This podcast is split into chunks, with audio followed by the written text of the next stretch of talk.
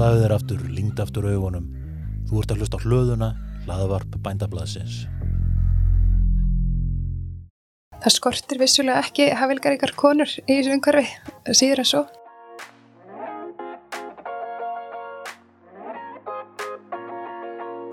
Í sömar tók ég viðtal við konu sem ég hef dáðstæður fjarska í mörg ár.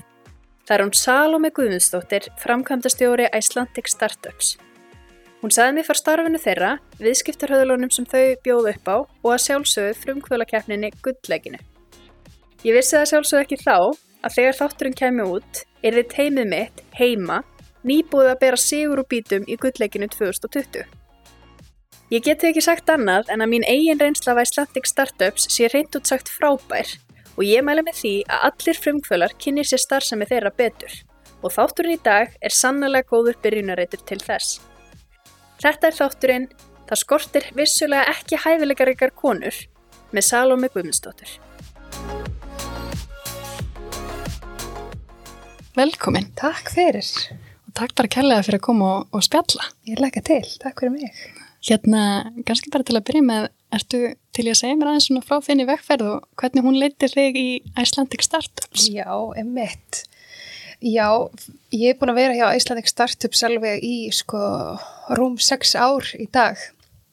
En á sín tíma þegar ég reyði mig til Icelandic Startups þá var ég búin að vera í um 5 ár hjá Háskólum Reykjavík og var að stýra opna háskólunum í HR og svona farin að horfa í kringum mig eftir nýjum áskorunum og rakst þá auðlýsingu í blaðinu sem að talaði til mín og ég held að, að svona þessi dýnamík í þessu umhverfi hafi svolítið kallað á mig, ég þekktu þetta aðeins til gulllegsins en verði samt að segja að mér óraði ekki fyrir því hversu svona umfangsmikið sprota umhverfið er og það hefur nú bara verið að vaksa síðan sko. Þannig að einhvern veginn leiðist ég í þetta eftir svona frekar hefðbundir leiðum og sé ekki eftir því. Ég trúi því. Og hvað er Icelandic Startups? Hvað gerir þið þar? Icelandic Startups er í raun svona stæsta engareikni stuðningsaðili fyrir frumkvöla og sprótafyrirtæki á Íslandi og við erum að hjálpa frumkvölum alveg frá því að hugmynd kviknar og það er til að varu komin á markað. Við erum að hjálpa við að hraða ferlinu og síðan erum við auðvitað líka að tengja þá áfram við mentora eins og við köllum þá eða sérfræðinga, reynda frumkvöla, fjárfesta við háskóla umhverfið og, og jafnvel fyrirtækinn. Þannig að einmitt hægt sér hraða þessari hugmyndavinnu eins mikið og, og hægt er. Og við gerum það yðurlega í gegnum prógram eins og gullegið eða viðskiptarhæðluna. Já, þannig að svona ef ég ætti að lýsa starfsemi með Íslandik Startups í tveimur orðum þá væri það að hraða og tengja. Það er ekkert annað. og hvers konar hraðla eða prógram eru þið með og, og hvernig lýsa þau sér? Já, gullegið er svona eitt okkar rótgrónasta verkefni. Það er sprottuð upp innan háskólana og er fókusera svolítið á háskólanemendur sem eru að fá skemmtilegar hugmyndir og þurfa aðstofið að koma þeim á legg. Það er alveg grunnstig hugmyndavinunar og mótun viðskipta áallunarinnar eða viðskipta mótilsins svolítið sem við förum í þar og þar eru við líka að tengja frumkvöla við sko sprota umhverfið og reyndari frumkvöla og við erum með vinnusmiðir og annað. Þannig að þetta er svona ákveð ferli sem við fara inn í nokkra vikna ferli sem að enda síðan með keppni og það geta allir tekið þátt í kulleginu hins vegar. En síðan getur við valið um það að fá skilin viðskipta áallun og þá ertu komin í þessa keppni. Og þar eru valin topp tíu fyrirtækin sem oft þó mikla aðtikli frá fjölmiðlum og, og hérna fjárfestum sem leðis.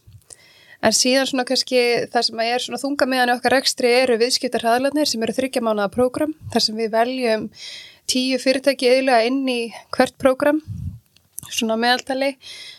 Og þar eru þau komin aðeins lengra inn í ferlið. Jafnvel komið með eitthvað sem kallur svona proof of concept eða búin að prófa hvort að varan eigi heima á markaðinum og þá eru við svona einmitt að bóra okkur aðeins niður í viðskiptamótili með þeim, skoða hvaðan tekjurnar eru að koma, hvort það þurfa að gera einhverja breytingar á þessu fyrirkomulegi. Við erum að fara mikið í hannun og markasmál og hvernig þau geta þá stilt sig af til að nálgast markaðin betur og síðan hvernig við undirbúum þau fyrir fjárfesta kynningar eða fundi með mögulegum viðskiptavinum. Og þetta eru þryggja á prógram sem að enda oftast með stórum fjárfestadegi þar sem að, að þau kynna hugmyndi sína fyrir fullu sal af fjárfestum. Já, þannig að þetta er svona stundum fá þessi fyrirtæki fjárfestingu frá bakhjörlum okkar eða þá styrki jafnvel eins og er í sumar hjá Startup Supernova en Æslandik Startups er raun reiki þannig að eigendur okkar sem eru háskólinn í Reykjavík, Háskóli Ísland, samtökuðinar eins nýsköpunisjóður Aturlífsins og Origo til að leggja okkur til ákveði fjármagn árlega en síðan er í raun og veru stærsti hluti okkar tekna að koma í gegnum styrki frá Aturlífinu og þessa fjármunni notum við til þess að hjálpa frumkvölum án þess að þeir þurfi að greiða fyrir aðstöðina og þannig svona virkar æslanding start og við erum reygin ánhagnaðsjóna með non-profit félag. Já, ok. Og þegar þú segir að fólk tækir þátt í prógramunum og er þá kannski ykkur mánuðum saman í þeim, ertu þá bara að setja allt í hliðar og, og fer bara inn í hraðalinn, ertu að gera þetta með fram vinnu eða skóla, hvernig virkar það? Já, þeir eru og við svona mælumst til þess að þessi prógram, til dæmis eins og hraðlarnir, þetta eru þrýr mánuðir þar sem að við erum í mjög svona intensífu prógrami með þeim og hérna við mælumst til þess að þau svona einblýni mitt á fyrirtækið eða, eða þann rekstur á meðan að þau eru í prógraminu bara til þess að fá einfallega sem mest út úr því. Þetta er mikið áleg í þannan tíma en gríðarlega mikið upp úr því að hafa að taka þátt í svona prógrami og ekki síst í formi sko tengsla og endurgjafar frá þessum fjölmörgu aðlum sem er að koma og leggja okkur lið bara með því að hitta teiminn sem mentorar og, og jáfnvel að opna á sín tengslanett þeim til framdráttar sko. Já, við mælumst til þess að þeir séu alveg með fulla einbendingu í þessum prógrami meðan á þeim stendur. En síðan höfum við núna farið í meira mæla bjóða þeim upp á eftirfylgni eftir að prógramum líkur og það er þá bara svona check-in á nokkra mánu fresti þar sem við erum að fylgja þeim eftir og, og ég vil tengja þau síðan áfram við kannski okkar svona starra tengslanett fjárfesta eða alþjóðlega tengslanettu okkar sko eftir því hvernig vindu fram.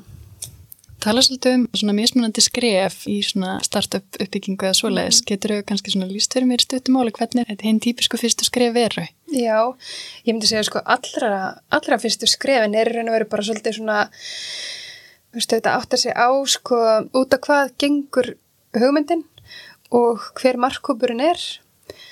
Oft mælum við með því að þegar fólk er bara svona fær sniði á hugmynd og langar að koma í framkvæmt, við mælum með því að fólk taki þátt í sé að mæta á viðburði sem að Icelandic Startups eða aðrir í sprótasinni er að standa fyrir bara svona til þess að hlusta á kynningar hjá öðrum sprótafyrirtækjum og svo framvegis aðeins svona til að fá tilfinningu fyrir því hvar áhersluna liggja og jafnvel, já, að taka þátt í hackathonum getur verið frábært fyrsta skref. Við hefum líka mikið beint fólki sem til okkar leitar inn í gulllegið sem er í raun og verið eins og ég sagði aðan svona stiður frumkvöla sem eru alveg á hugmyndastíðinu.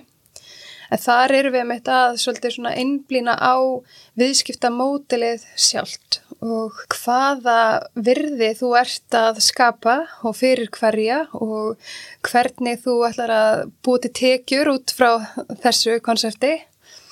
Það er nefnilega ekki nóg að fá frábæra hugmynd sem að margir hafa áhuga á ef að þeir eru ekki tilbúinir að greiða fyrir hana það sem þarf til að hlutinni gangi upp. Sko þannig að það er að mörga huga á fyrstu stegum og svo þetta kannski þegar aðeins lengra er komið að þá skiptir endurgjöf frá mögulega viðskipt og við erum gríðarlega miklu máli. Og þar leggjum við mikinn fókus. Ég er að finna þetta rétta product market fit. Og það er og verið fæst ekki nema bara með því að fara út á eirina og fá endurgjöf á hugmyndina þeina og, og þess að vöru sem þú ert að byggja upp sko. Já það er svona fyrstu skrefin Hver myndið þú segja að væri svona ykkar stefna hvað var þar fjölbreytni og, og jöfn tækifæri? Já Þetta er frábær spurning og svo gríðilega mikilvægt að huga þessu. Við höfum lagt okkur fram við að setja á okkur kynjagleirun þegar kemur að jöfnum tækifærum í sprótasinninni og höfum meðal annars farið í svona alls konar kynningar átök til þess að ebla þáttöku hvenna í nýsköpuna því að það er bara staðreind að það hallar ofta á þær. Og við hefum séða líka að það eru ákveðin prógram sem við bjóðum upp á sem að hafa meira til hvenna heldur en önnur. En ég held að sko það er úrslega mikilvægt fyrir okkur bæði einmitt í okkar markastarfi að hugsa hvað við erum að segja og hvernig við erum að segja það þegar við erum að tala við markkópin okkar sem eru bæði konur og karlar að sjálfsögðu. Bara hvernig skilabóðan er komið á framfæri, það skiptir miklu máli og til dæmis það að draga fram hvern fyrirmyndir sem við höfum farið að gera miklu meira mæli núna undanfæran ár til að sína meitt fjölbreytnina í spróta umhverjunu.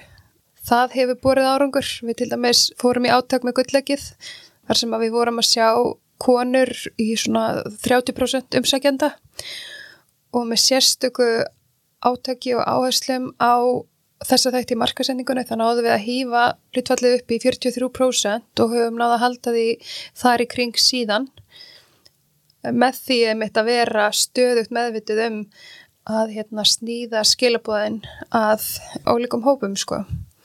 Það hefur líka skipt máli í okkar starfsemi og ég held að það sé margir sem að þurfa að huga því líka að við erum líka fyrirmyndir af þessu leiti og við erum með mentora og við erum með viðburði og annað og þar þurfum við líka að passa upp á kynjarhlutfallið þegar við erum að halda viðburði þar sem að, hérna, við erum að fá reynda frumkvöla til dæmis til að koma eða fjárfesta eða hvað það er að passa upp á kynni hlutvöldin þar, passa upp á kynni hlutvöldin í mentorahópnum okkar og í öllu okkar markasefni og það er eitthvað sem við þurfum um eitt stöðt að vera bara minna okkur á og passa upp á. Af því að það skortir vissulega ekki hafilgar ykkar konur í þessu umhverfi síður en svo. Við erum mikið velt þessu fyrir okkur og hérna það má alltaf gott bæta og, og maður glemir sér líka. Og hérna það er alveg emitt, það er bara passa upp á þetta. En það er rosa áhugavert að því ég er að tala um sko, hérna, hvernig við komum skilabóðum frá okkur á markasetninguna og annað að mér var sagt að til dæmis í verkfræðin inn í, inn í HR að, að í hátæknaverkfræði eru þau með eða fyrir nokkrum árum allavega var 80% kalla og 20 kvenna en í helbriðistæknaverkfræðinni þar var þessu öfugt farið, þar voru 80% konur og 20% kallar en samt er raun og veru mjög lítill svona eðlislu munur á þessum tveimur námslínum sem að endur speklar raun og veru þetta sem ég var að segja með að, að skilabóðin og markasendingin hún skiptir greiðarlega miklu máli. Þannig að hérna, við þurfum að passa upp á þetta. Nákvæmlega mm -hmm. og af hverju myndur segja að það sé mikilvægt að spá í þessu?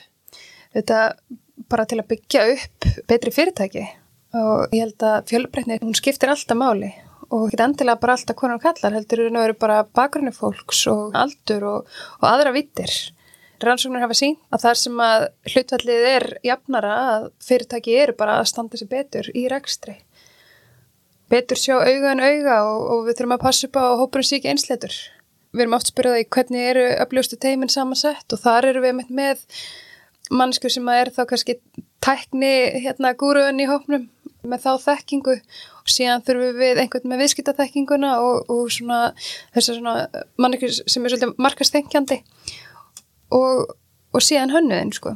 Þannig að, hérna, að þannig séu bestu teimin sett saman með ólíka bakgrunn og hérna ólíka þekkingu og þetta á allir sviðum kynin sko.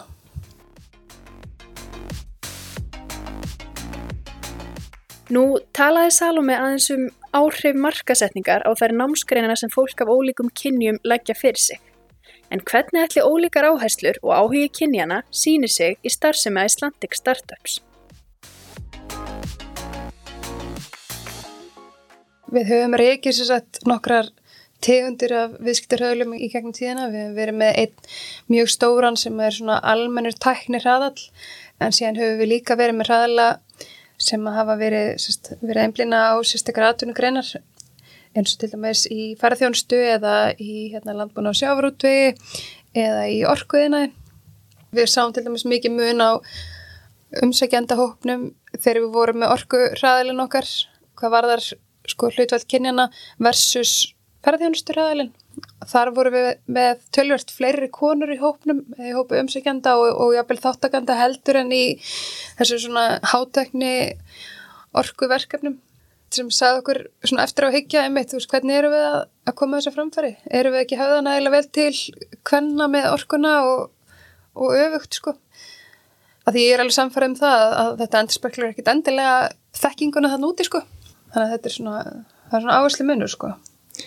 Við lítum svona á nýsköpunar umhverfið í heilsinni. Mm. Heldur það sé mögulega verið að leggja meiri áherslur á kallagar greinar heldur en kvenlegar? Sko, Ég er ekkit andilega viss um það. Við höfum auðvitað séð og sérstaklega núna undanfarið, undanfarin ár styrki sem höfðu alveg sko gaggjart til hvenna, atunmál hvenna og svanni og fleiri sem að hérna, eru emmitt settir upp til þess að hvetja konur í nýsköpun. Nei, veist ég, það er ekki mín tilfinning allavega sko, að við séum eitthvað endilega að því. Ég held að þetta sé kannski bara meira umhverfið í heilsinni. Það er svona tækni með það og svona kannski þessar sögur sem hafa verið sagðar og, og einstaklingar sem dregnir fram eru kannski meira kallar heldur en konur og þar getum við bætt okkur bara sem samfélag hversu það er, er við inn í sprótangurinu eða fjölmilaðar eða aðri sko. Já, ég held að það sé meira, meira þannig sko. Nákvæmlega. Myndur þú segja að þú hefði tekið eftir einhvern sérstökum muni á milli hvennfrumkvöla og kallfrumkvöla svona í sínu starfi? Nei, veistu að, að fólk er bara svo ólíkt bara, uh, þú veist, yfir að heila að ég myndi ekki segja að, að það sé eitthvað meira inkennandi fyrir konur heldur en kalla en flesta þær konur sem að poppa upp í hugana með núna eru alveg þær eru með mjög mörg járn í eldunum þar hafa oft verið sko, mikla fyrirmyndu fyrir mérvengs að þær eru bara þær eru svo onitt og í svona frumkvöla bröldi þá er það ég veit að það er mikið álag og oft er þetta konu líka með hérna, fjölskyldu og heimili og jafnvel að sinna öðru verkanum til hliðar. Já, þetta er svona fyrsta sem poppar upp í hugan en, en svona almennt yfir það heila er þetta bara fullt á einstaklingum sem allir eru ólíkir sko. Ég myndi ekki ná að draga eitthvað svona eitt kannski fremur en annað.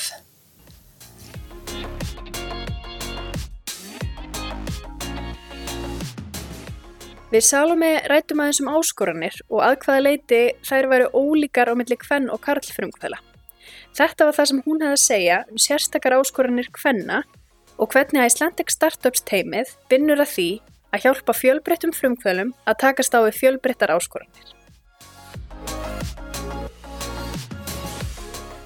Sko, áskoranir fyrir konur í frumkvælum hverjanu eru eflaust fjölmarkar og öfuruglega einhverjar sem að, sem að eru meira svona snúa meira konum heldur en körlum almennt maður hefur til dæmis bara svona í gegnum tíðina þú veist þess að snýr að fjármögnun að einhverju konur hafa talað um að það er upplifað að það sé kannski ekki tekið jafn mikið markaðum eins og ef það er koma með kallmann með sér inn á fundina ég hef ekki upplifað þetta sjálf og ég raun að vera kannski veltast ekkert eitthvað rosalega mikið fyrir mér ef ég á að vera bara alveg hinskilinn. Ég held að hérna, við erum bara einhvern veginn svolítið fókuserið á hérna, að aðstöða þá sem við erum að hjálpa hverju sinni og áskorunar í rekstri hjá mismjöndi fyrirtækjum eða, eða uppbyggingu fyrirtækja eru svo ólíkar.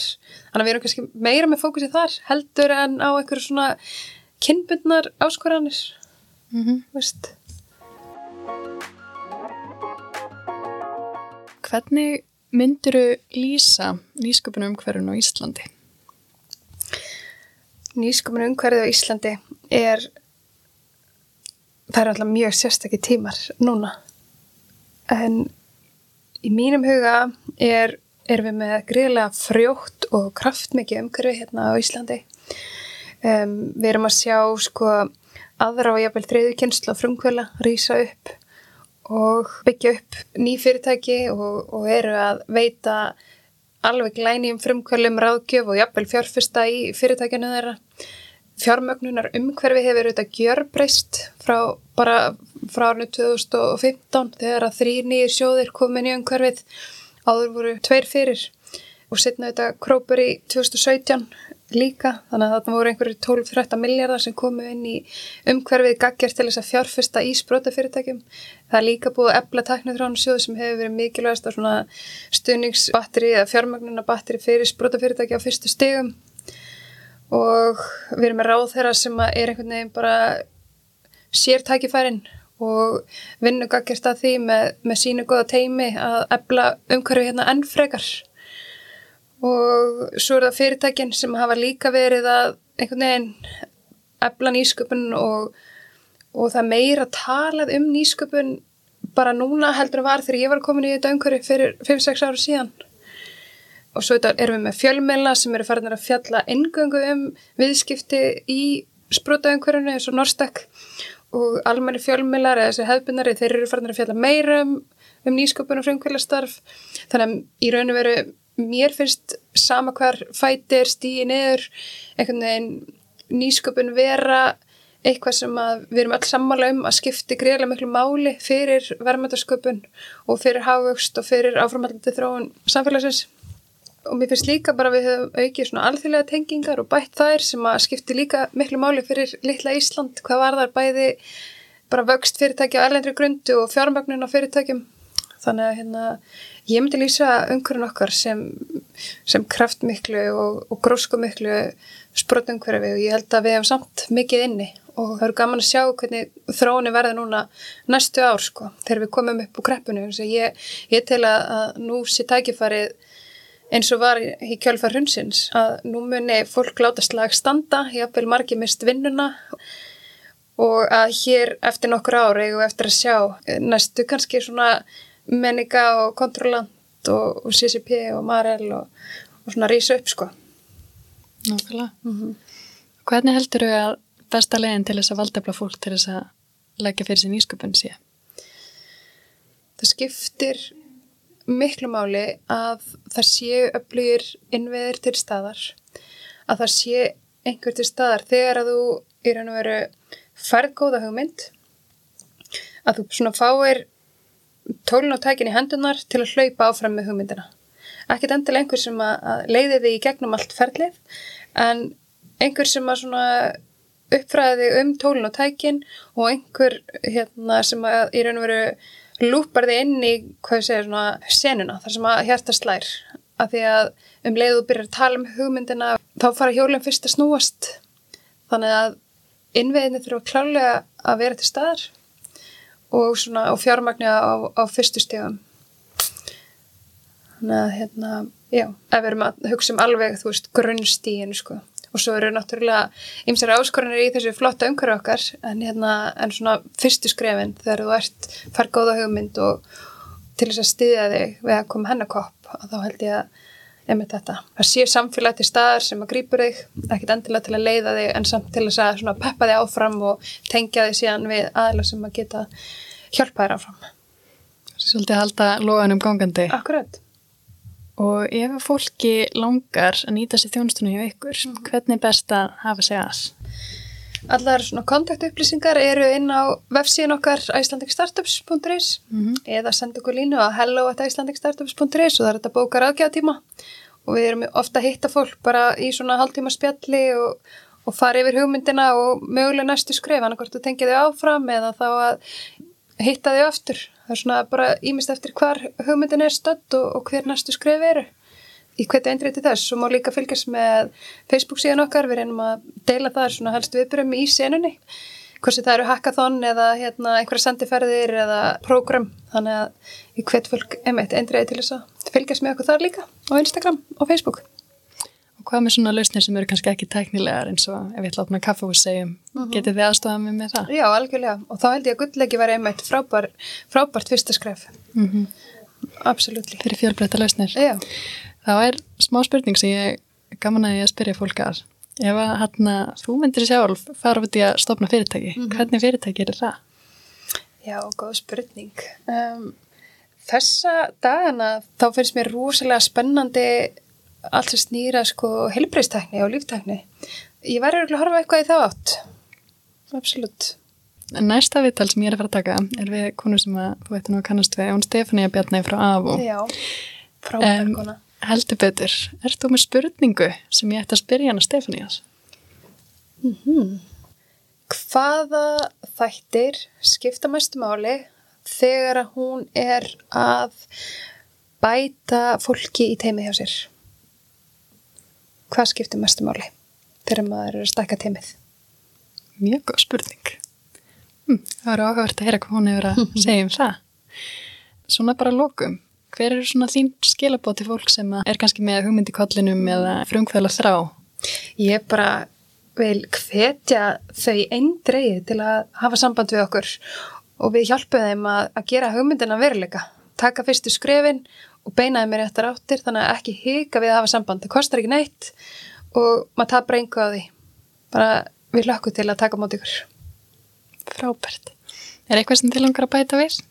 ég er bara að þakka kærlega fyrir bóðið í hérna, þetta spjall búið að vera mjög skemmtilegt og ég lakka mikið til að heyra samtilin við aðra gesti líka og bara frábært framtak Takk kærlega fyrir Já. og takk fyrir komuna. Takk fyrir mig Það var dásamlegt að spjalla við Salome, en það er starfið þeirra hjá Icelandic Startups frábært og heldur betur mikilvægur lefur í nýsköpunarumhverfinu á Íslandi. Í næsta þætti ræði ég við eina mínum allra helstu frumkvölafyrirmyndu, ofurkonuna og erkitöffaran Stefáníu Bjarnegu Ólafsdóttur, framkvæmdastjóra AVO.